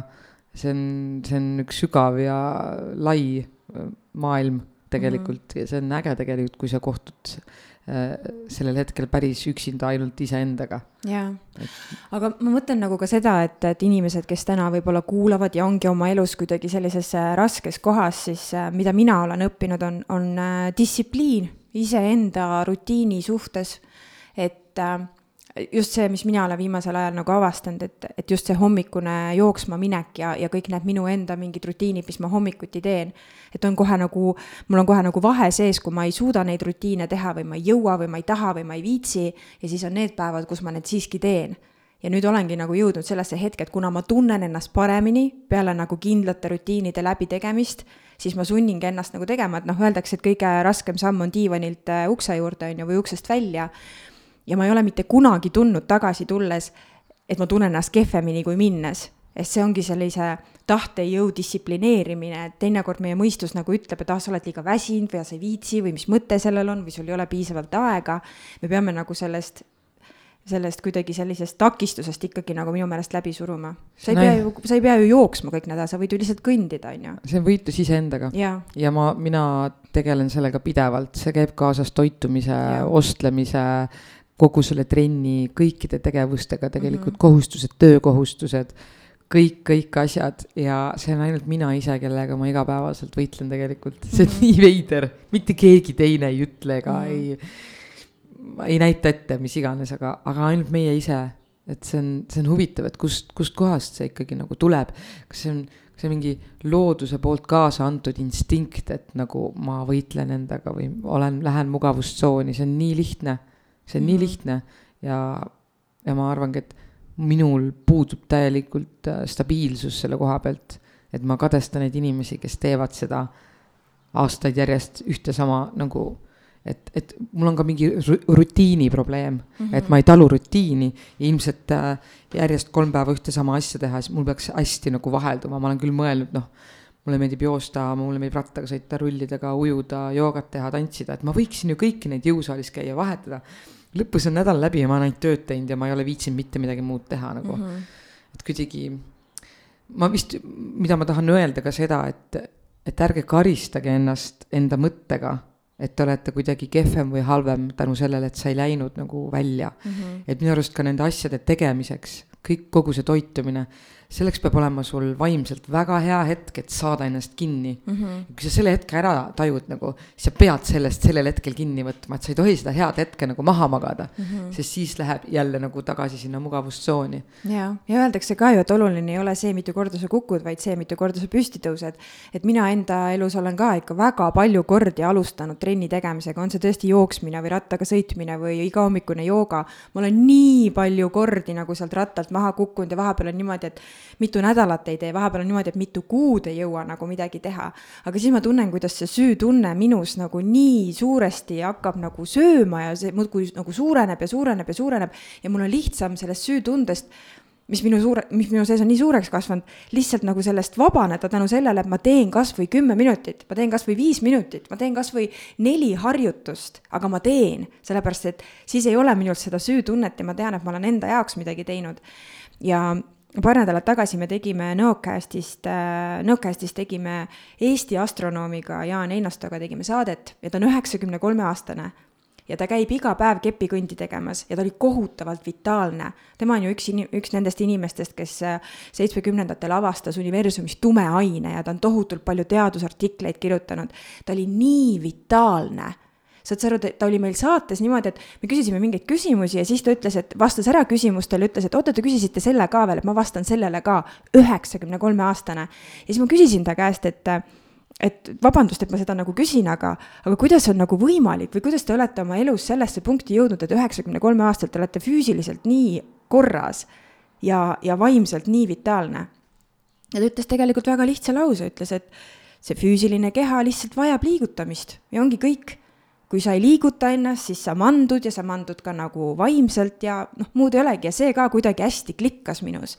mis puudutab ka nagu toitumist, et, et kui ma hommikul mõtlen ka, et, et kas ma võtan selle lisaaja, et keeta endale putru ja praadida sinna muna juurde või ma võtan kuskilt Olerexist endale saiakese, et milline, milline toit tekitab minus parema tunde, millal on mul kehas, enda kehas parem olla. no ilmselgelt, kui ma söön putru, mitte mingit saiakest, sest siis ma vaevlen kolm tundi kõhuvaludes, on ju. Et see kuidagi see lisapingutus iseenda heaolu nimel sest äh, ma arvan, peale igat liigutamist alati on tunne parem ja, ja vabam ja mis iganes. ja mitte ainult füüsiliselt, vaid ongi just see vaimne vabadus mm, -hmm. mis tekib selle juures. Aga seal on ikkagi mingid kehaained mm -hmm. seotud selle liikumise ja mm -hmm. mingisuguse ainega, mida aju vajab ja mida iganes. heaoluhormoon nagu hakkab vallanduma siis, kui sa liigutad ennast. jah, jah, jah et seda kõike on ju tegelikult täiesti füüsiliselt tunda, et. Äh, jah, ja nii naljakas on ka see, et mõni tuttav nagu on minule küsinud, kirjutanud, noh, ma vahepeal ju sotsiaalmeedias ikka jagan, et kui ma hommikul seal jooksmas olen või olen mingit joogat teinud, et. et oo, Kaidi, et, et miks sa seda nagu teed, et noh, et, et sa oled ju nagu täiesti nagu normaalses vormis, et. et, et ma ei saa nagu aru, et, et kas sa tahad nagu eputada, et, et sa umbes jõuad nagu välja. oota, ma täpsustan, keegi kirjutas sulle nii või? ja, ja ja noh, kunagi üks sõbranna ka nagu, kui ma aastaid tagasi hästi intensiivselt nagu trenni tegin ja noh, tõesti ikka niimoodi, et ikka neli-viis korda nädalas ikka väga kõvasti nagu jõutrenni ja ma olin tõesti üliheas vormis, ilmselt elu parimas vormis üldse. ja ma ei osanud võib-olla toona nagu talle sellele vastata või ka sellele inimesele nagu, kes kirjutas, sellepärast et võib-olla ma tegingi seda ennekõike nagu selle nimel, et, et et näha hea välja. Aga täna, kui minu käest nagu küsitakse seda siis ma ütlen, ma teen seda ainult iseenda pärast, sest ma tean, mis tähendab olla selles süütundes, kui ma ei jõua ennast liigutada. ja ma tean, mismoodi ma tunnen siis, kui ma jälgin, mis ma söön ja ma liigutan ennast ja ma ei tee mitte kellegi teise nimel. ma ei pea seda jagama ka, kui see kellelegi ebamugavust valmistab. aga tihti tekitab see ebamu-, ebamugavust nendes inimestes, kes elavad selles süütundes ja nad ei viitsi minna välja. ja, ja mina arvan, et sa ikkagi äh rohkem motiveerib inimesi, kui sa jagad ja, ja nad mm. näevad, sest äh, kohe. tegelikult see süütunne suureneb mm,. ma näen ju, mida inim-, noh, ja mida ma kõike tahan ka teha, see suureneb, aga see paneb ikkagi sulle selle mõtte nagu tiksuma nagu tihedamalt nii-öelda mm. -hmm. ja, ja see motiveerib ikkagi, ma arvan, rohkem inimesi, kui ta mm -hmm. pigem nagu tekitab äh, ärevust või mis iganes. aga see seesama tunne, mis nende sees tekib, on nende enda tunne, see ei ole kuidagi sinuga seotud mm, -hmm. et kurb on see, et et see vallandab nendes emotsioone, mida, mida sulle nagu, kes sa oled sellega hakkama saanud mm, -hmm. kuidagi sind, et see ei tohiks sind kuidagi mõjutada. lihtsalt kui tsitaatide juurde tagasi tulla sest mul on üks, üks lause veel, et äh, mida Kalju Komissarov on äh,, õpetas meile koolis või ütles, et kui me rääkisime siin ka sõpradest, et kui sa lased endale inimesed hästi lähedale mm, -hmm see tähendab, et sul ka lihtsam on teineteisele haiget teha mm, -hmm. sest sa mhm. tunned teineteise nõrku kohti. et kunagi ei tohi lasta enda nõrku kohti nii-öelda, on ju, siis tundma õppida, kui sa ei taha haiget saada. aga Koma õpetaski seda, et ära kunagi kasuta mingisuguses noh, ütleme nii, et kui, kui meil on mingisugune tüli või kadedusolukord, et sa ei tohi kunagi teise inimesi nõrka kohta sellel hetkel ära kasutada. nagu relvana. ja -hmm. just, et mm -hmm. ma olen kuidagi selle peale hästi palju mõelnud, et isegi kui ma võiks öelda sellele inimesele, et mida iganes tema kohta või kellegi, tema pere kohta, mis iganes, aga, aga ma isegi tõrjun nagu need mõtted peast ära, sest ma saan aru, et see on minu isiklik mingisugune mm -hmm. agenda. mõttevigastus, ma ütleks mm -hmm. pigem nagu, et nagu ühesõnaga jah aga ma korra lihtsalt tulen äh, selle vii-, eelmise teema juurde tagasi, et, äh, et see, see enda sundimisest nagu äh, liikuma minemisel on just nagu hästi oluline ka see, et sa nagu kuulad oma keha, et milleks sa nagu parasjagu valmis nagu oled. et see ei ole ka vaata nagu nugade peale iseendaga minemine, on ju. et noh, näiteks täna hommikul ka ma ärkasin, panin kella seitsmeks kellad helisema, et äh, ma jõuan natukene virguda, teen ühe kohvi ja siis lähen jooksma pool kaheksa. et tavaliselt on, on olnud nagu selline rütm, on ju aga täna hommikul ma tundsin pool kaheksa, et ma ei suuda veel minna. et kui ma praegusel hetkel paneks nagu trenniriided selga ja astuks uksest välja, siis ma lähen nii-öelda nagu veits nagu nugade peale või konflikti iseendaga, sest ma ei olnud füüsiliselt veel valmis, mul oli väga-väga füüsiliselt raske nädalavahetus ja ma ei saanud ja mõtlesin, et okei okay,, et ma teen siis pigem nagu tööd natukene, et ma olen ikkagi nagu nii-öelda lokaalselt veel nagu ärkan, aga noh, vaim oli juba valmis, on ju, tegutsema. ja siis oligi, ma tegin tund aega tööd ja läksin siis jooksma ja, ja ma kuidagi tundsin, et, et mu keha tegi mulle nagu pai, et aitäh, et sa läksid välja, aga aitäh, et sa andsid mulle natuke aega rohkem nagu ärkamiseks. et see niisugune nagu iseenda kuulamine on ka nagu hästi-hästi oluline ja tegelikult meie keha kogu aeg räägib meiega. sa pidevalt ju tunned, et kui sa jood vähem, siis sul on võib-olla tekivad peavalud, noh, minul näiteks kohe, kui sa sööd midagi, mis sulle ei sobi, keha annab sulle kohe märku, et meil ei ole vaja mingisuguseid äh, toitumisspetsialiste, kes teeb sulle mingisuguse toitumiskava, et nüüd sa võid neid asju süüa, neid asju ei või, et tegelikult keha ütleb kohe ju. et äh, jah, selline kontakti leidmine iseendaga on ka hästi oluline me oleme siin tund aega väga sügavatel teemadel arutanud ja mulle kohutavalt meeldib meie tänane saade. mul on veel küsimusi tegelikult siin kirja pandud, jah ja, ja eh, lähme ka nende suvesündmuste juurde, aga lihtsalt mulle nagu, mulle nagu nii meeldib täna, täna me teeme nii-öelda seda kolmandat saadet, kus me oleme kahekesi ja. ja me oleme muhvigi ei ole ette valmistanud jaa, aga kuidagi see näitab, et me oleme ise nagu täna siin sada protsenti kohal ja hästi avatud nii teineteise suhtes kui siis ka kõige selle suhtes, mis, mis meie enda sees nagu toimub.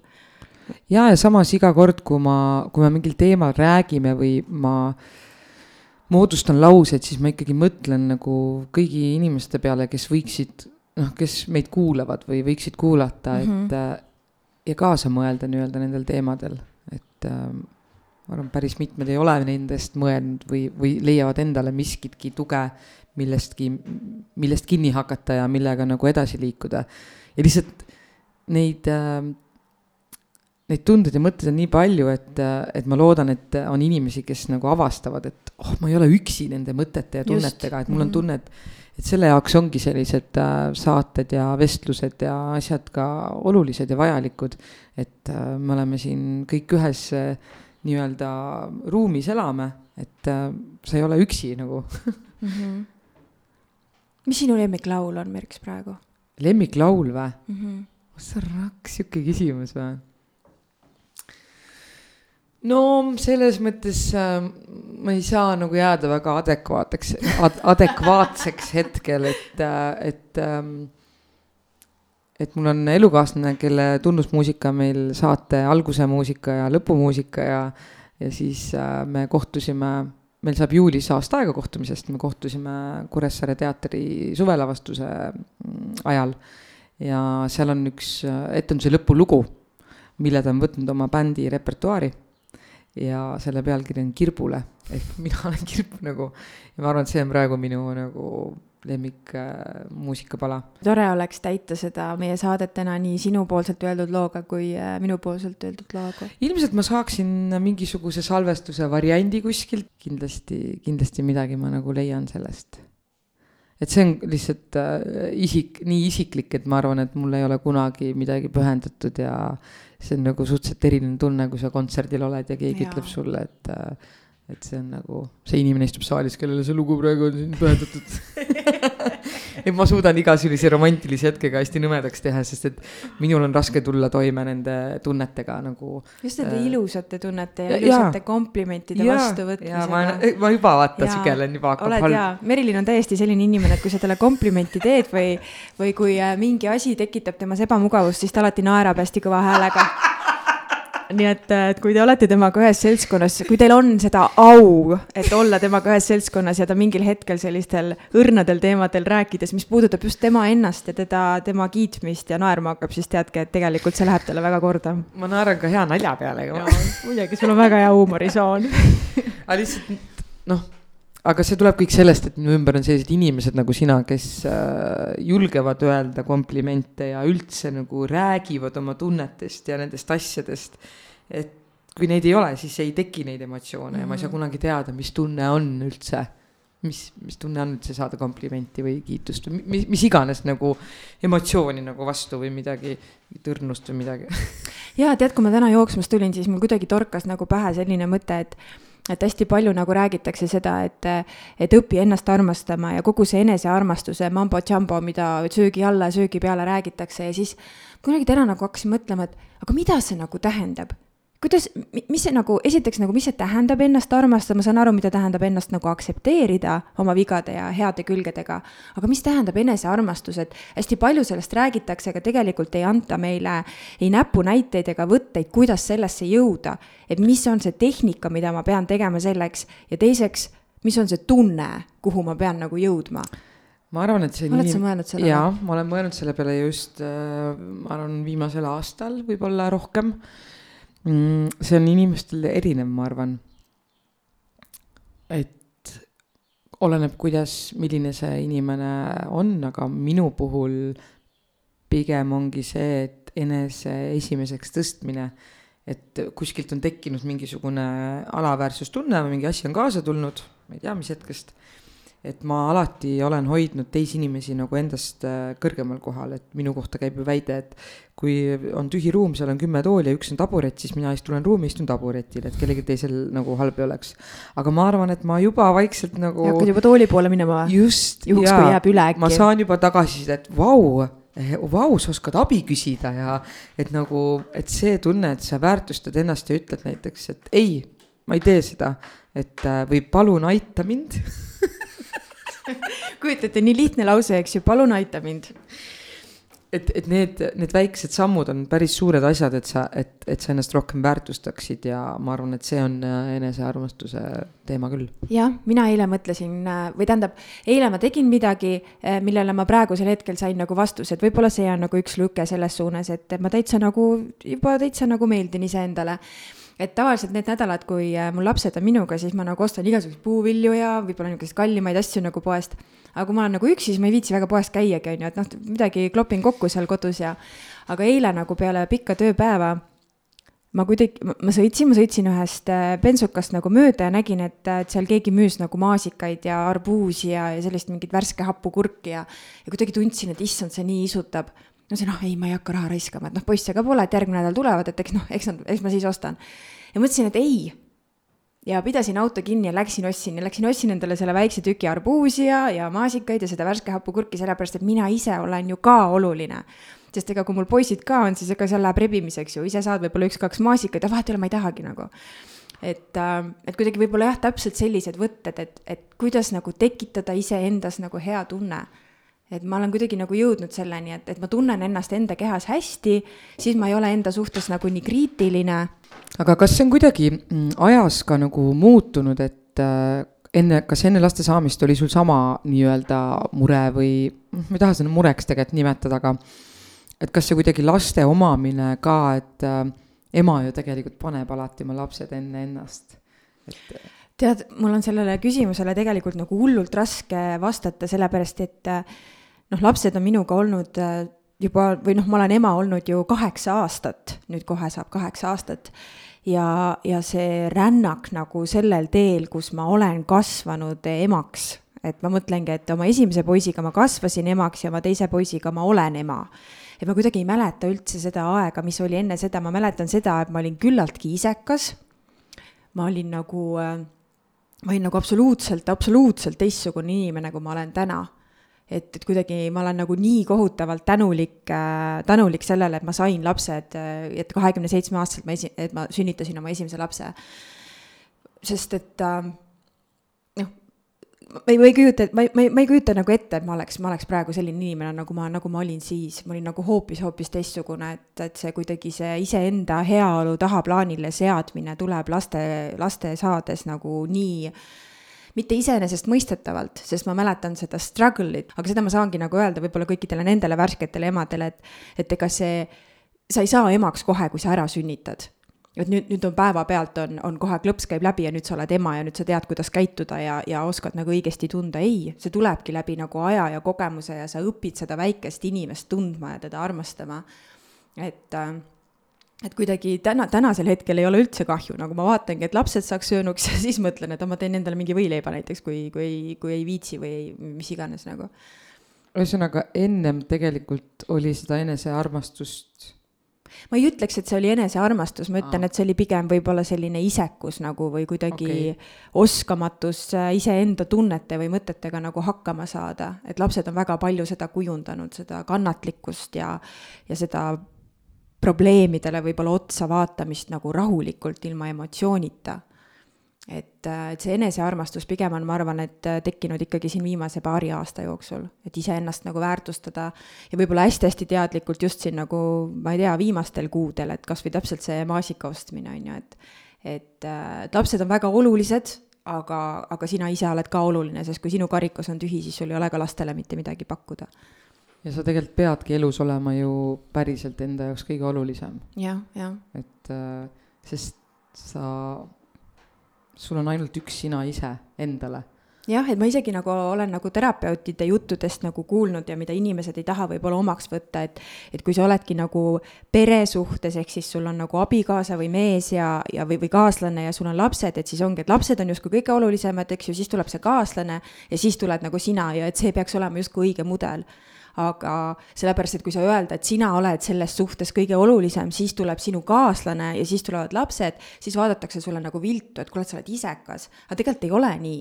sul ei ole oma kaaslasele ja lastele ju mitte midagi anda, kui sinu enda karikas on nagu tühi. Mm.. ja see ei ole isekas, see ei ole absoluutselt mitte ühelgi moel nagu isekus, et noh, oleneb muidugi, kuidas sa seda aspekti kasutad, eks ju.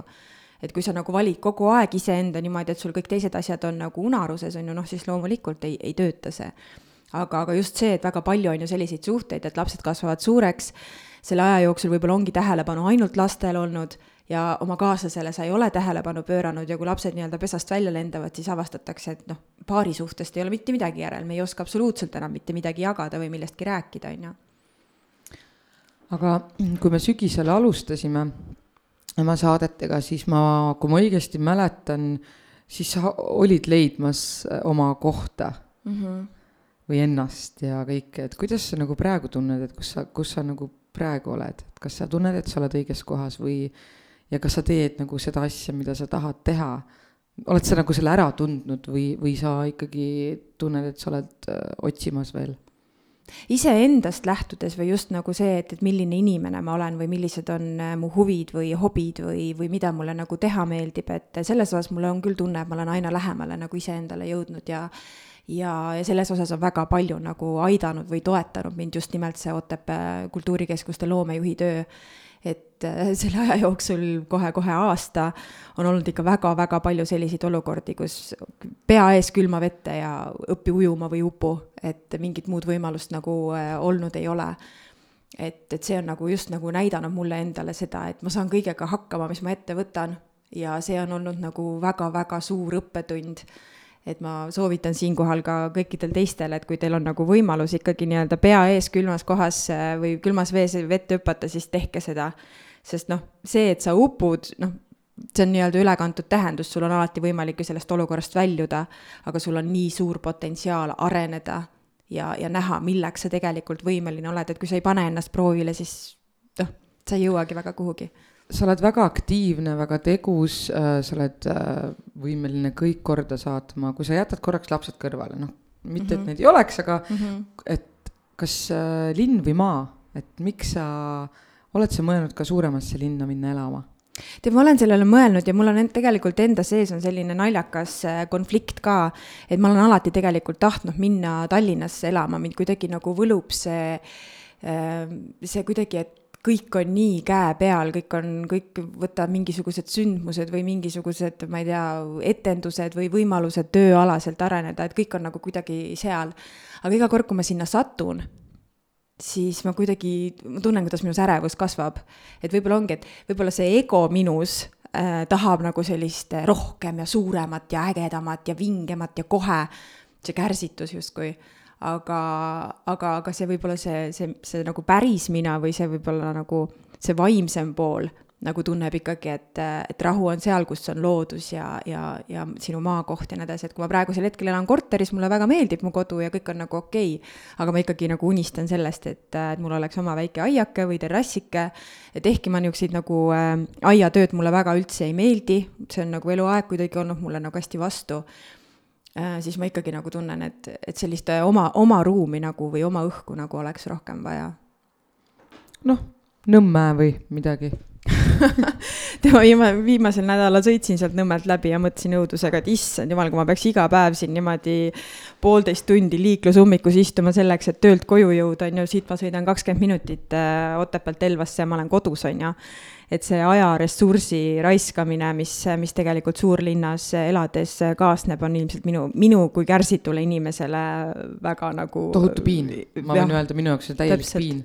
Et äh, kui võimalus, siis ma valin Tallinnast välja sõitmise või sisse sõitmise täiesti noh, kindlasti mitte tipptundide ajal, sest ma olen mingitel põhjustel ikkagi jäänud kinni ja see higi, see kuum higi, mis äh, kattub mm -hmm. üle minu keha külmigi just minu meelest. ma ei tea, kuum ja külm mm, -hmm. ei, mhm. mul on viha mm. -hmm. Ah, siis on kuum jah. ma arvan, et mm -hmm. kui vaadata kõrvalt, siis mu auto on nagu leekides sest ma nagu põlen vihast nagu, sest mulle tundub see maailma kõige kohutavam aja raiskamine. aga Merilin, sina äh, läksid ju ka poolteist aastat tagasi äh, siit Otepää loomejuhi koha pealt ära, et äh, tegid oma elus selles suhtes ikkagi kannapöörded, loobusid äh, millestki, mida sa olid siin kolm aastat nagu üles ehitanud, et kas sa praegusel hetkel tunned, et see oli, oli su jaoks õige otsus, kas sa oled oma elus seal, kus sa tahtsid jõuda? no kindlasti sellel hetkel oli see õige otsus, et äh, sellel hetkel minust ei olnud enam antud kohas äh, kasu lihtsalt, et äh, ma olin selleks hetkeks lihtsalt päris korralikult nagu läbi põlenud. et seda oli minule kui inimesele kindlasti vaja ja ma loobusin tegelikult kindlusest, turvatundest seoses palga ja koha ja kõigega, on ju. et äh, ma läksin kuskile, ma läksin nagu tundmatusse ja teadmatusse, aga lihtsalt see oli mu keha, mis karjus ja ütles, et sa pead lihtsalt minema ja kõik. et äh, praeguseks hetkeks on mul selja taga juba päris palju ägedaid ja huvitavaid projekte ja ma olen saanud äh, näitlejatööd teha, oma improteatrit teha ja sinuga siin podcast'i teha ja et kõike, kõike, kõike, mis mulle meeldib teha, ma olen tegelikult saanud teha ja kindlasti on nagu ägedaid võimalusi veel ees.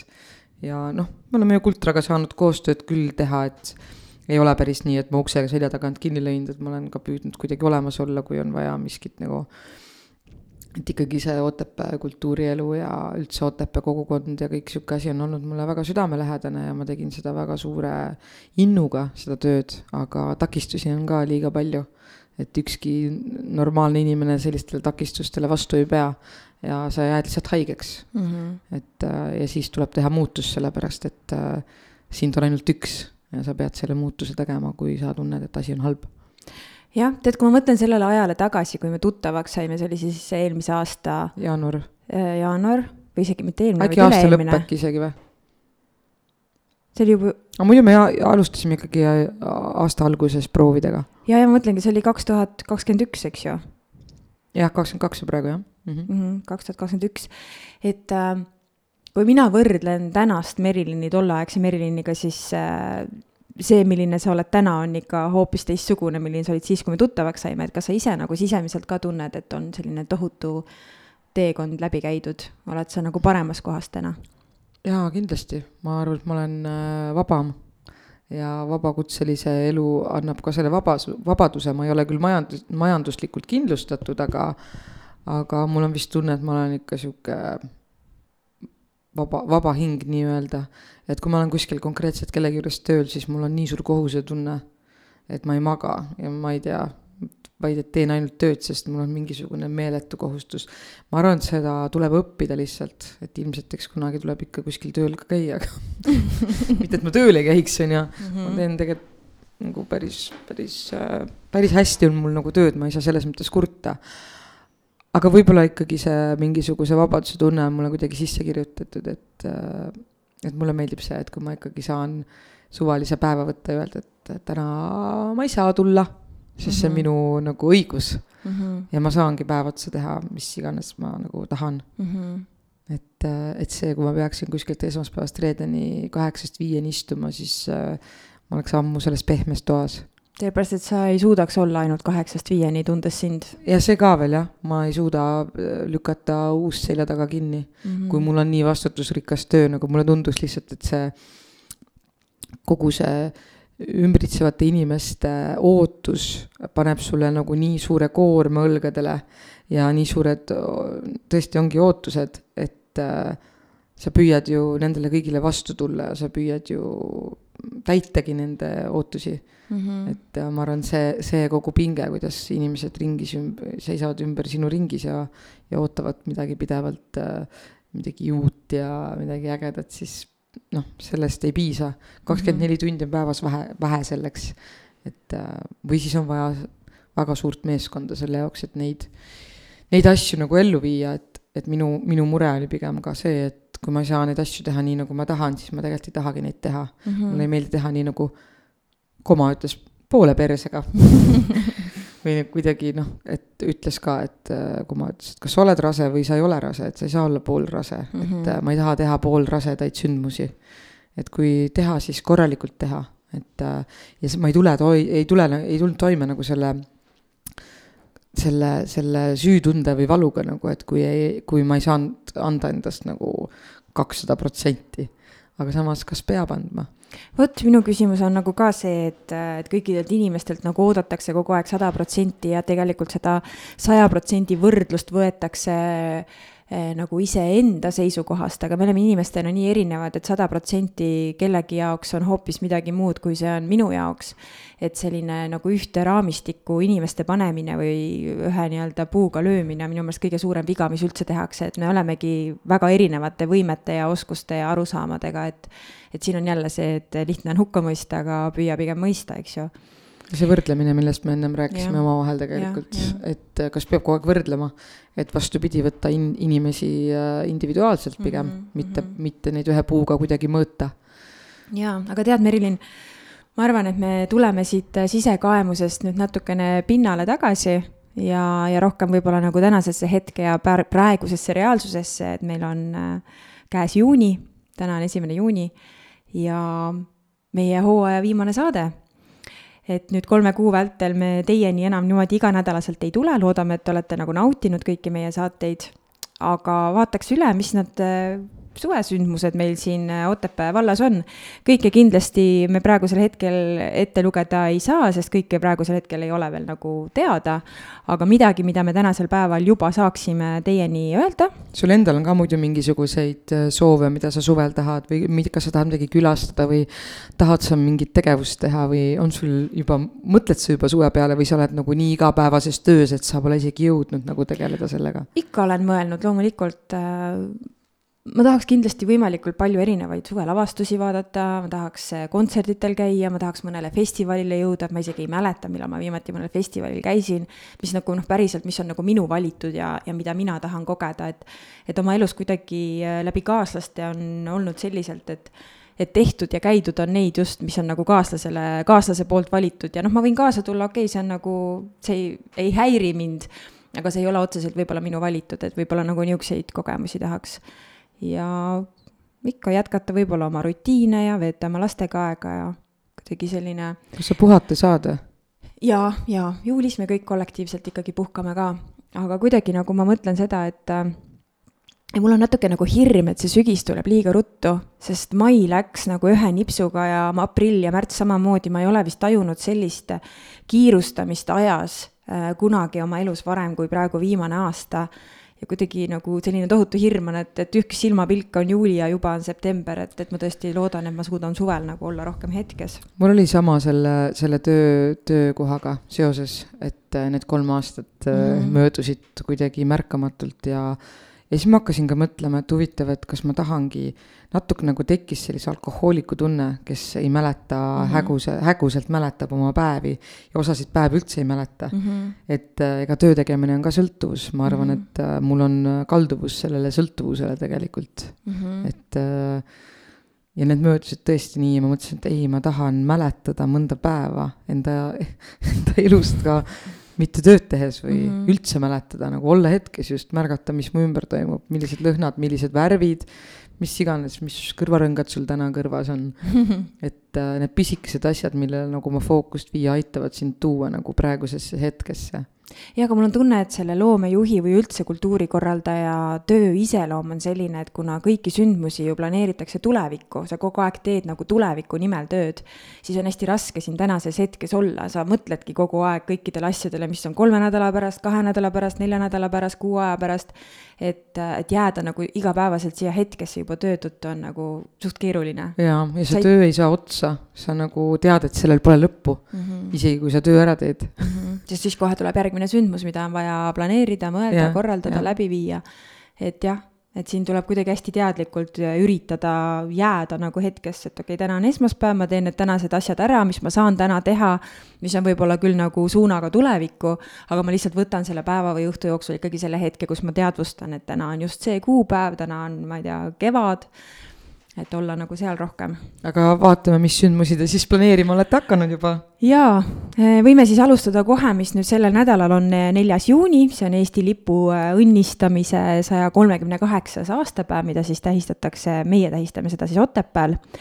ootame kõiki kell üheksa nelikümmend viis kogunema Otepää lipuväljakule, sealt kell kümme alustatakse piduliku rongkäiguga Kiriku mõisa kümme viisteist toimuvad kirikumõisas, äh, Otepää Maarja kirikumõisas siis Eesti lipu heiskamine, kõned, tervitused, peale seda on äh, pidulik äh, jumalateenistus ja kooliõpilaste kontsert. Ja kell viis õhtul oodatakse kõiki kultuurimajja, Otepää kultuurimajja, sest seal siis toimub Eesti lipupäevale pühendatud kontsert, kus esineb Eesti Rahvusmeeskoor, dirigent on Mikk Üleoja. Ja pilet on viis eurot. ja pileteid saate siis osta Otepää kultuurimajas enne kontserti algust ja need vallamängud, mis on siin juba pikemat aega kestnud, äh, saavad siis kaheteistkümnendal juunil oma lõpu nii-öelda mm. -hmm. et vallamängude lõpetamine ja Otepää külade perepäev toimub siis jah, kaks, kaksteist juuni, nagu ma ütlesin, Kääriku rannaalal ja rohkem infot leiate selle kohta. kohe tuleb ka event sellesse üles ja plakat ka, aga vallamängude osas siis saate Ago Arro poole pöörduda aadressil ago.arro.otepaa.ee ja perepäeva osas siis Triin Nurmsalu ja tema meiliaadress on triin äh, urmsalu at gmail.com ehk siis keskel on üks N ja see algab kell kaksteist, aga see info peaks kohe-kohe siis ka sotsiaalmeediasse jõudma ja seitsmeteistkümnendal juunil toimub siis äh, Sangaste tammepargis Sangaste perepäev koos Valga militaarteemapargiga. Ja see on siis kella ühest kella neljani ja toimub siis sõit vanadel lahingumasinatel. Mm, -hmm. laserlahingud ja sõdurissupp. et saab olema üks militaarne ja vahva perepäev. Et kindlasti võtke kõik äh, osa. Ja kuuendal augustil on Sangastes kodukandipäev kell kaksteist hakkab ja toimub see siis Sangaste kultuurimaja pargis ja kell kaks. just siin rõhutada üle, et Sangaste mm -hmm. kultuurimaja pargis, mitte Tamme pargis, et ärge Tamme parki minge. väga lahe, mul on nii tore meel, et, et Sangaste kultuurimaja ümbrust äh, on ära kasutatud või hakatakse kasutama. et seal on nii lahe hoov äh, sisehoov tegelikult, kus ma arvan, et äh, enamus pole käinud mm -hmm. ja seal on üks lahe väike lillepargikene ja ma saangi aru, et aiapäev Kivimaa talus ah,, see toimub mujal mm, -hmm. et äh, kodukandipäev algab kell kaksteist äh, aiapäev Kivimaa talus. Räpina aianduskooli õpetaja Tiina Länkur arvatavasti siis juhib seda käiku seal. ja kell neli siis Sangaste kultuurimaja pargis ja sisehoovis äh, saab teada Sangaste ajalugu, esinevad kultuurimaja kollektiivid, toimub viktoriin, avatud kohvik, jätsibuss on kohal ja muidugi on Simman Lõõtsa klubiga ja kutsume kõiki endiseid ja praeguseid ja tulevasi sangastekaid kodukandipäevale. ja oo oh,, ja see aasta möödub seitsesada viiskümmend aastat sangaste esmamainimisest. nii et on põhjust, et äh, väärikat äh, iga äh, tähistada ühe toreda päevaga. ja Otepää kultuurimaja pargis siis äh, toimuvad ka traditsioonilised tantsuõhtud suvel kolmel korral, juunis, juulis ja augustis kaheksateistkümnendal juunil esineb äh, Nukker Kukeke, üheksandal juulil Sleepwalkers ja kahekümne esimesel augustil siis tähistatakse taasiseseisvumispäeva ja, ja esinevad äh, või esineb Hellad Velled ja kõik peod algavad siis äh, kell kaheksa õhtul. ja lisaks seitsmendal augustil korraldab Otepää Naisselts kuueteistkümnenda Otepää käsitöömeistrite ja rahvamuusikute päeva Otepää keskväljakul algusega kell kümme, et selle kohta ka kindlasti tuleb peagi-peagi info. kas ma saan õigesti aru, et need sündmused praegu, mis sa ütlesid, on tasuta? Tasuta. et kõik ja. tantsupeod on tasuta ja, ja muidugi see laadapäev ja kõik on ju. ja, ja ikka mm. -hmm.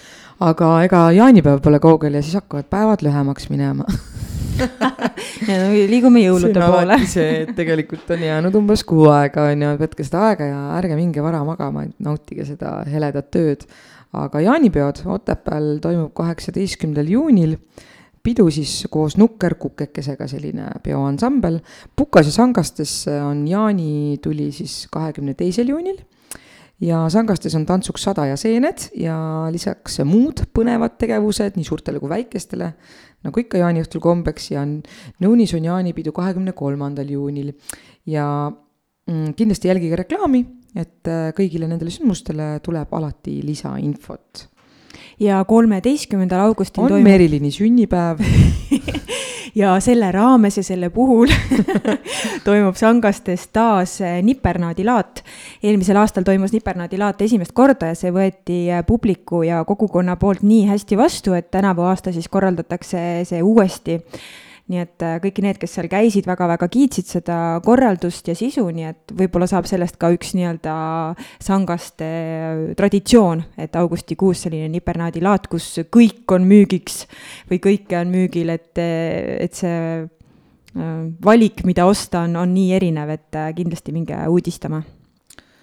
ja Eesti taasiseseisvumise kandis üheksateistkümnendal augustil toimub alati Puka öölaulupidu ja seekord on siis see viieteistkümnes algus on äh, kell kaheksa ja täpsem info tuleb ka järjest juurde, et kindlasti on seal olemas eeslaulja ja üle Eesti saavad koorid tulla kaasa laulma ja saab jällegi olema üks väga ilus suveõhtune laulupidu, kontsert ja tantsupidu ja kõik kokku, et äh, alati sellest on saanud niisugune väga kasvav, kasvav sündmus, et äh, rõõm on näha, et vana traditsioon on uue kastme saanud ja, ja jääb ilmselt ka püsima jah, nii et nagu näha, juba on äh, suvekuudesse päris palju äh, planeeritud siin Otepää vallas, no suvi on nagunii nii konkurentsitihe, mis puudutab erinevaid sündmusi üle Eesti, nii et äh, et kui te panete või ostate pileteid üle-eestilistele sündmustele või kuskil teistes paikades, mitte Otepääl, siis ärge unustage ka oma Otepääd või Otepää valda, kus ka inimesed teevad tööd ja näevad vaeva, et teile selliseid ägedaid sündmusi tuua, nii et tulge ja külastage ikka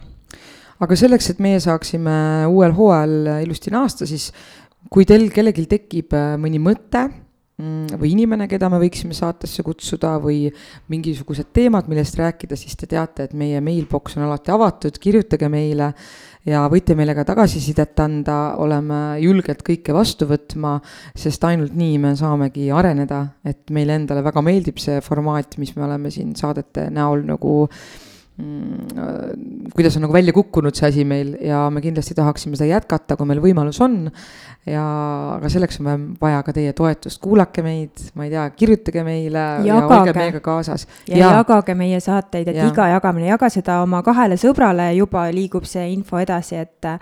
et mõtlete küll, et oo, et ma ei tea võib-olla, kes see inimene on, kes siin rääkimas käis, aga, aga kõik inimesed, kes on käinud, on, on nii äh, vahvalt oma elu ja hobisid ja tegevust äh, avanud et isegi kui see nimi ei ole sulle tuttav või tundub kuidagi, et ta ei ole nagu võib-olla Otepää valla või siis ka Eesti mõttes nagu tuntud inimene, siis iga inimene, kes tegeleb millegagi äh, hingest ja, ja panustab mingisse valdkonda südamest, on, on äh, väga huvitav kuulata, kuidas ta selleni on jõudnud, mis tarkuseterasid ta sellest on omandanud ja, ja kuidagi avab meie kõigi mõtte- ja tundemaailma väga-väga suurel tasandil, et, et jagage ikka meid. jaa, Otepää vald on äh, rikkalik oma liigi poolest et hoiame oma inimesi ja, ja kindlasti puhake suvel ja tehke endale meeldivaid tegevusi ja veetke perega aega ja, ja olge terved. ja, ja naeratage võõrastele tänaval oh my god ilusat suve teile. ilusat suve